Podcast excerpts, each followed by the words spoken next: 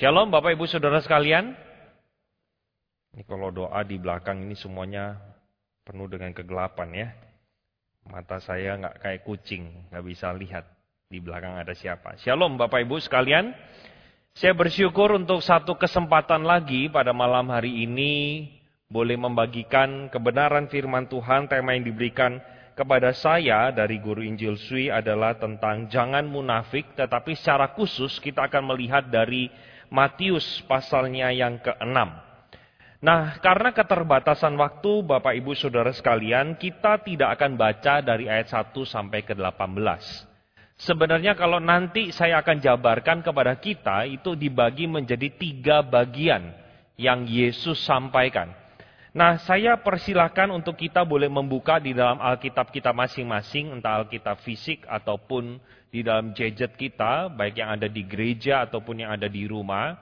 Saya senantiasa menasihatkan jemaat supaya terbiasa buka Alkitab, sekalipun nanti saya ada di layar LCD.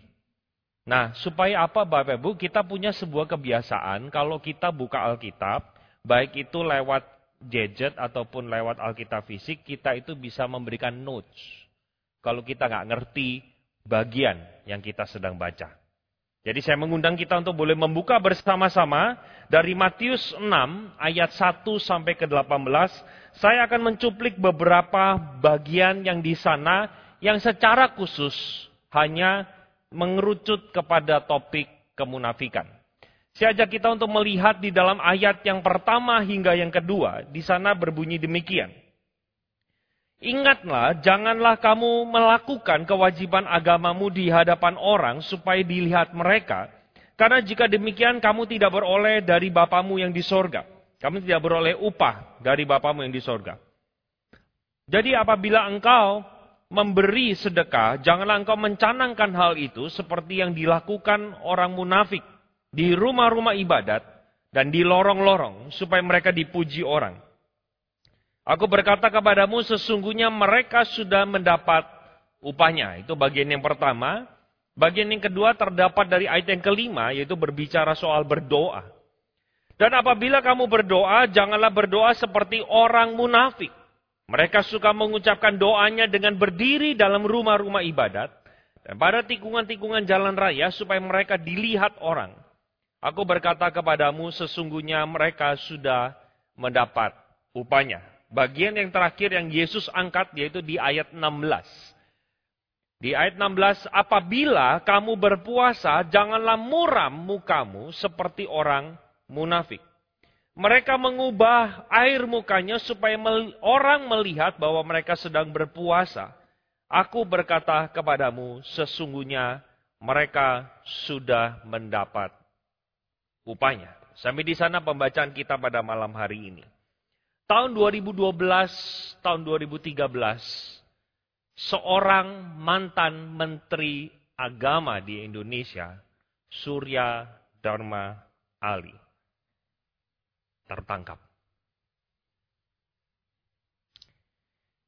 Tuduhan yang diberikan kepadanya, dia melakukan korupsi dari uang yang dikumpulkan untuk sebagian orang-orang muslim itu naik haji. Ironis ya. Menteri agama yang lekat dengan agama. Agama yang mengajarkan kesalehan justru menjadi sarang penyamun. Tapi itulah manusia. Waktu saya mempersiapkan bagian ini, saya coba memikirkan kalau Bapak Ibu suruh sebutkan tiga kata kunci dari kemunafikan. Kata apa yang muncul? Bagus? Benar? Enggak ada yang ngomong kok. kok bisa bilang bagus? Biasa kalau di gereja itu ya, tanya sendiri, jawab sendiri. Kalau nggak lucu, ketawa sendiri. Itu ya. Bapak Ibu, saya coba pikirkan ada tiga kata kunci paling tidak ketika kita memikirkan kemunafikan. Yaitu yang pertama adalah berbicara tentang kepalsuan atau kepura-puraan. Yang kedua ada kesan membohongi orang lain. Dan juga ada sesuatu yang tidak sama antara yang ada di luar dengan yang ada di dalam. Kita dengan mudah mengatakan bahwa Bapak Surya Dharma Ali, kok bisa sih seorang menteri agama yang mengatur tentang agama, yang tahu tentang hukum agama, tetapi justru melakukan tindakan yang tidak menjadi berkat bagi orang yang sekeyakinan dengan dirinya. Tetapi Bapak Ibu, jangan kita menuduh orang lain. Karena kemunafikan itu bukan milik orang lain saja. Tetapi saya mau katakan kemunafikan sering juga terjadi dalam hidup kita. Hanya saja, hanya saja kita nggak ketahuan orang. Kita lebih pandai menyembunyikannya. Tetapi dengan jujur saya katakan kalau di hadapan Tuhan, Tuhan melihat kita sampai ke dalaman hati kita. Apakah dia menemukan ketulusan atau kemunafikan? Saudara banyak orang Kristen yang datang ke gereja. Saya mau ajak kita berpikir bersama-sama. Apakah kita bisa pastikan 100% mereka yang datang ke gereja Datang cari Tuhan, bukan cari berkat. Datang mencintai Tuhan, bukan mencintai berkatnya. Apakah bisa? Saya yakin angka yang ditemukan bukanlah 100%. Sehingga kemunafikan itu sudah merembes dalam kehidupan setiap kita tanpa padang usia. Bahkan tanpa padang jabatan. Orang seperti saya seorang pendeta bisa hidup diselimuti oleh kemunafikan. Saya bisa menutupi segala dosa dan kebobrokan saya dengan kehebatan saya di dalam berkhotbah. Saya bisa menutupi kebusukan saya dengan serangkaian pelayanan yang saya kerjakan. Supaya intinya manusia melihat apa yang saya lakukan. Kayaknya Pak Albert orang yang baik. Kayaknya Pak Albert adalah orang yang saleh. Oh tetapi dengan jujur kalau kita terbuka di hadapan Tuhan, Tuhan menemukan sering kali anak-anak Tuhan ditemukan hatinya tidak menjadi tulus mengikut Tuhan. Saudara, waktu saya mempersiapkan bagian ini, saya mulai coba memikirkan kenapa sih orang itu bisa munafik. Saya yakin di antara kita yang hadir di tempat ini maupun yang ada di rumah, kalau ditanya munafik itu baik atau enggak, Gak ada satu orang pun yang mengatakan itu baik. Semuanya mengatakan itu buruk. Tapi kita lakukan. Kemunafikan itu sadar atau tidak. Nah paling tidak saya memikirkan ada tiga alasan kenapa orang itu munafik. Yang pertama, karena ia malu dengan kebobrokan dirinya. Sehingga kebobrokan, kebusukan itu harus ditutupi dengan sesuatu yang kelihatannya indah, saleh, dan baik. Dan sering kali yang dipakai jubah itu adalah segala aktivitas rohani. Baca Alkitab, rajin kasih perpuluhan, rajin pelayanan, rajin untuk datang ke gereja, disempatkan pula doa Rabu, pulang kerja langsung mampir. Tetapi sebetulnya hatinya tidak demikian. Yang kedua, karena ia berpikir dengan dia menutupi segala hal baik itu, dia bisa mendapatkan sesuatu yang bermanfaat lewat kemunafikan.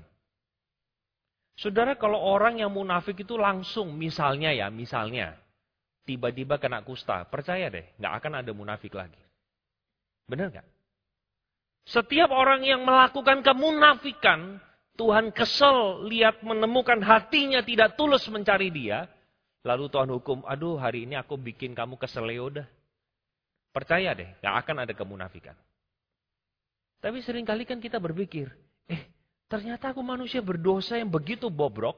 Saya tunjukkan diri saya aktif di dalam kepengurusan. Aktif di dalam organisasi gereja. Aktif di dalam pelayanan. Rajin kasih, bukan per bulan, per 20% begitu merasa kita tetap fine-fine aja. Dan kita berpikir, lewat kemunafikan, kita bisa mendapatkan sebuah faedah di dalam. Itu sebabnya orang munafik. Dan yang ketiga, kenapa orang bisa munafik? Saya jujur katakan, karena inilah keberdosaan manusia. Nah, bagaimana pandangan Alkitab secara khusus khotbah di bukit ketika Yesus menyampaikan soal kemunafikan ini? Bapak Ibu kalau memperhatikan tadi di awal, saya sengaja mencuplik ada beberapa bagian yang tidak secara berurutan. Yesus menunjukkan di dalam Matius pasal ke-6, itu ada tiga kewajiban agama. Atau tiga ritual agama yang disinggung oleh Yesus. Yang zaman itu adalah sebuah hal yang sangat lumrah. Jadi Bapak Ibu, jangan Bapak Ibu nanti bilang gini, oh yang dicatat di Alkitab kan cuma sedekah, doa, dan puasa. Gak ada bilang pelayanan, gak ada bilang kasih persembahan, itu kan sedekah buat orang lain. Nah saya ajak kita bukan melihat kepada detail kegiatannya, tetapi kita lihat prinsipnya, apa yang Yesus sedang ajarkan. Karena kalau kita lihat dengan seksama Bapak Ibu Saudara sekalian, kita menemukan ada sebuah persamaan di sana. Di dalam ayat 1 dikatakan di sana, ingatlah jangan kamu melakukan kewajiban agamamu itu di hadapan orang, supaya dilihat mereka. Ini berbicara soal motivasi. Bicara soal hati, hati manusia. Ada orang rupanya memberi sedekah, tujuannya bukan menolong orang. Tujuannya supaya dilihat. Dan di sana Yesus katakan apa? Kamu tidak beroleh upah dari Bapak di sorga. Contoh berikutnya, kalau Bapak Ibu memperhatikan, di dalam ayat yang kedua, di sana dikatakan, jadi apabila engkau memberi sedekah, janganlah engkau mencanangkan itu seperti yang dilakukan orang munafik di rumah-rumah ibadat dan di lorong-lorong. Supaya mereka dipuji orang. Diulangi lagi. Dengan pola yang sama. Di dalam ayat yang berikutnya, ayat yang kelima, apabila kamu berdoa, janganlah berdoa seperti orang munafik. Mereka suka mengucapkan doanya dengan berdiri dalam rumah-rumah ibadat. Celaka. Tadi doa kita berdiri atau duduk? WL-nya berdiri lagi. Apa yang salah berarti? Kalau gitu doa harus duduk. Selama ini beberapa gereja kan sebelum berdoa, yuk kita bangkit berdiri. Lah, dibilang katanya nggak boleh berdoa sambil berdiri. Poinnya bukan itu. Poinnya bukan kepada gestur tubuh, tapi poinnya adalah kepada motif hati. Karena mereka yang melakukan doa dengan berdiri di rumah-rumah ibadat tikungan jalan raya supaya dilihat orang.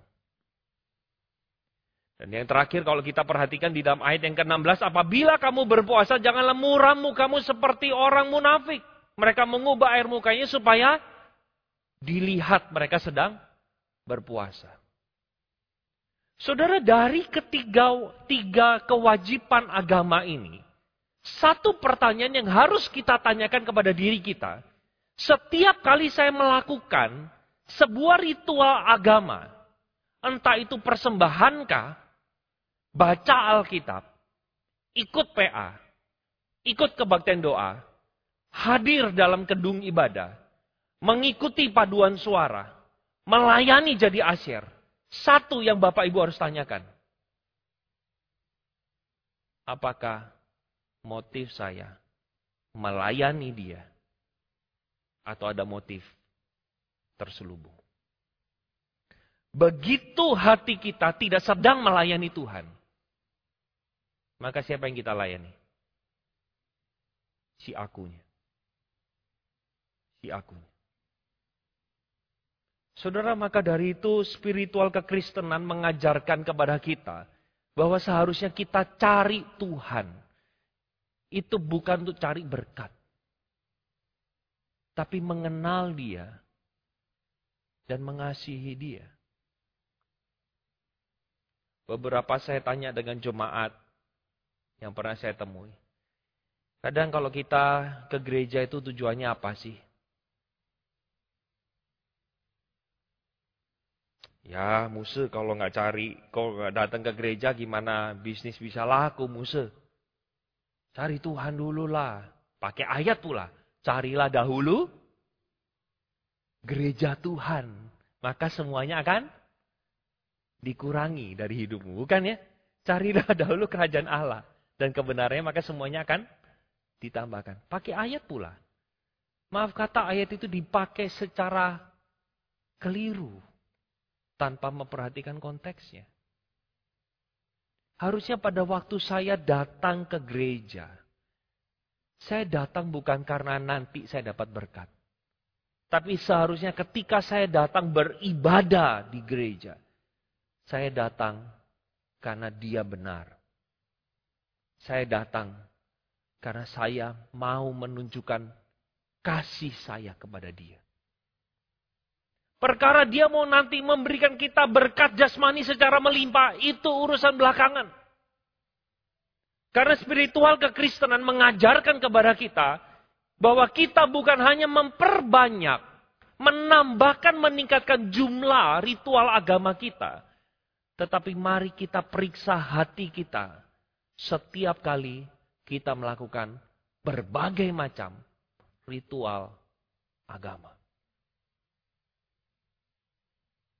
Saudara, beberapa kan ada yang mengatakan dengan, saya jujur katakan saya nggak begitu setuju. Ada beberapa rohaniwan mengatakan, wah jangan sampai ya kita itu baca Alkitab lah atau pelayanan itu jadi rutinitas.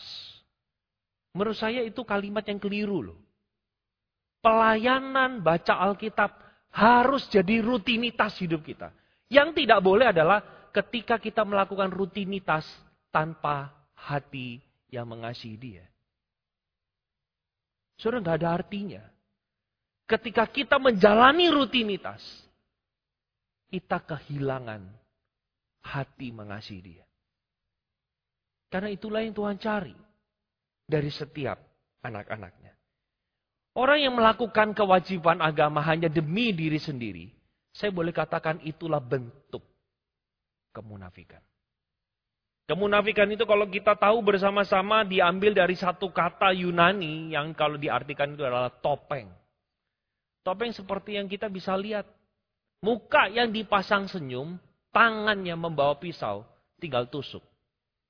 Berulang kali saya menemukan di jemaat GKI mengatakan, dalam Yesus kita bersaudara.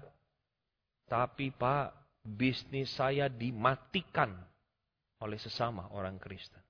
Itukah saudara? Katanya uang gak kenal saudara katanya.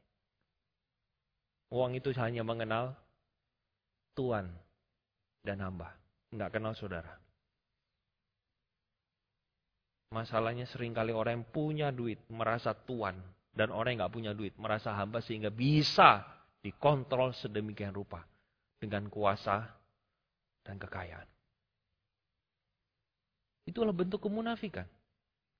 Ketika kita melakukan kewajiban agama dengan hati atau motivasi yang keliru, saya boleh katakan itulah yang dimaksud dengan kemunafikan.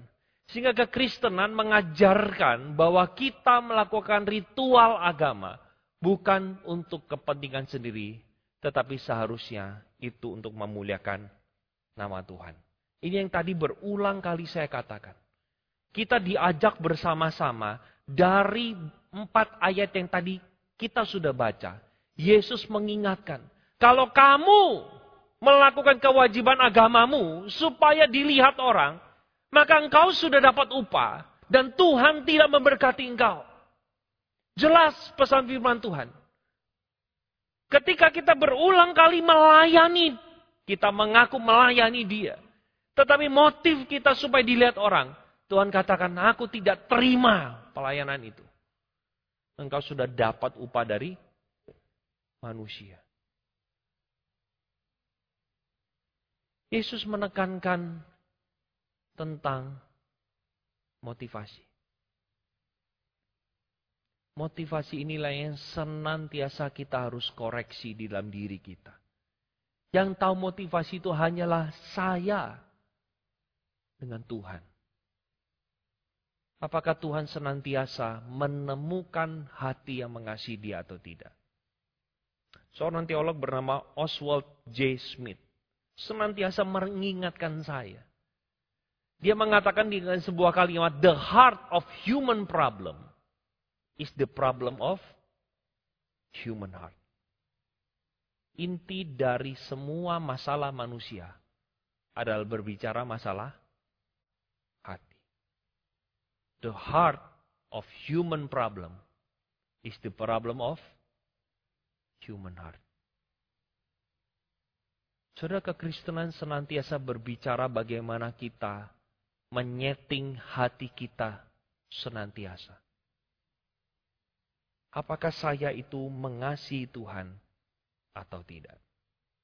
Saudara, karena keterbatasan waktu, saya tidak bisa menjelaskan solusinya per kewajiban agama yang tadi. Ada sedekah, ada doa, ada puasa. Tetapi saya hanya mengajak kita melihat dari satu bagian saja, yaitu soal sedekah. Karena ini nanti akan berlaku sama dengan doa maupun dengan puasa. Sehingga kalau kita perhatikan bersama-sama di sana dikatakan oleh Tuhan Yesus, jikalau engkau memberi sedekah, janganlah diketahui oleh tangan kirimu apa yang diperbuat oleh tangan kananmu. Maksudnya ini bukan kita itu disuruh kayak stroke atau otaknya terpisah gitu loh. Ini kan bukan berarti gini, bagaimana kita bisa memberi ya dengan tidak diketahui tangan kiri apa yang dilakukan tangan kanan kan satu tubuh. Maksudnya sebenarnya ini menurut saya adalah sebuah mungkin peribahasa yang berlaku di zaman itu. Maksudnya yang Yesus mau katakan, kamu itu jangan pengumuman lah. Kalau mau memberi, sebisa mungkin sedikit orang yang tahu. Saya pakai kata sedikit. Ya, karena gini loh, zaman sekarang, orang kalau persembahan katanya pakai QR code, bisa ketahuan namanya. Nah saya maksud begini, Bapak Ibu ya, sekali lagi saya tidak terjebak kepada caranya. Tapi kita itu harus fokus kepada hati kita. Perkara nanti orang mengatakan, wah si, si A ini kasih persembahannya luar biasa ya, bisa 1-2 M ke gereja. Kita patut berikan apresiasi. Itu urusan manusia. Tapi pertanyaan ini kembali ke hati kita. Apakah hati kita betul-betul beres di hadapan Tuhan? Jadi saya tidak mempersoalkan soal caranya. Tetapi bicara soal kepada hatinya. Nah Yesus menyambung dengan kalimat bahwa hendaklah sedekahmu itu diberikan dengan tersembunyi, maka Bapamu yang melihat yang tersembunyi akan membalasnya. Sehingga ini yang menjadi prinsip. Lakukanlah kebaikan, lakukanlah ritual agama tanpa motif menguntungkan diri sendiri. Sehingga Bapa di sorga berkenan atas apa yang kita lakukan. Prinsipnya lakukanlah dengan hati yang benar. Bukan dengan hati yang menguntungkan diri sendiri. Kalau saya boleh berikan kesimpulan, maka yang pertama, lakukanlah ritual agama dengan bentuk saya mengasihi Tuhan dan juga murnikan motivasi kita setiap kali kita melakukan ritual agama. Apakah saya lakukan ini untuk Tuhan ataukah untuk saya? Biarlah firman Tuhan pada malam hari ini boleh mengajak kita bersama-sama meneropong kedalaman hati kita. Apakah Tuhan menemukan anak-anaknya sedang mencintai dan mengasihi dia? Atau justru menggunakan jubah-jubah kerohanian untuk mendatangkan kepuasan bagi diri sendiri. Mari kita masuk di dalam doa. Bapa dalam kerajaan sorga, sekali lagi firmanmu menyapa hati kami. Firmanmu kembali lagi mengingatkan bagaimana kami perlu memurnikan motivasi kami. Motivasi di dalam kami memberikan pertolongan kepada orang lain. Motivasi di dalam kami melayani Tuhan. Motivasi di dalam kami berdoa. Motivasi di dalam kami melakukan segala aktivitas rohani. Oh Tuhan, tolong kami Tuhan. Ampuni keberdosaan kami ini. Yang sering kali keberdosaan ini membawa kami memanfaatkan segala hal-hal baik menjadi buruk. Karena kami tidak fokuskan untuk kemuliaan Tuhan. Tapi kemuliaan diri kami sendiri. Tuhan, tolong kami Tuhan. Ajar kami senantiasa untuk mengasihi Engkau dan memuliakan namamu. Hambamu sudah berhenti berbicara. Tetapi roh kudus yang terus bekerja dan berproses di dalam hati orang-orang percaya. Yang membawa kehidupan orang-orang percaya untuk senantiasa hidup bagi Kristus. Hidup diubahkan serupa dengan Kristus. Dan hidup di dalam Yesus. Sehingga lewat perkataan, tindakan, pemikiran, keputusan, kebijakan, orang boleh melihat Kristus hidup di dalamku. Terima kasih Tuhan dengar seluruh doa kami. Hanya di dalam nama Tuhan Yesus kami berdoa. Amin. Saya serahkan.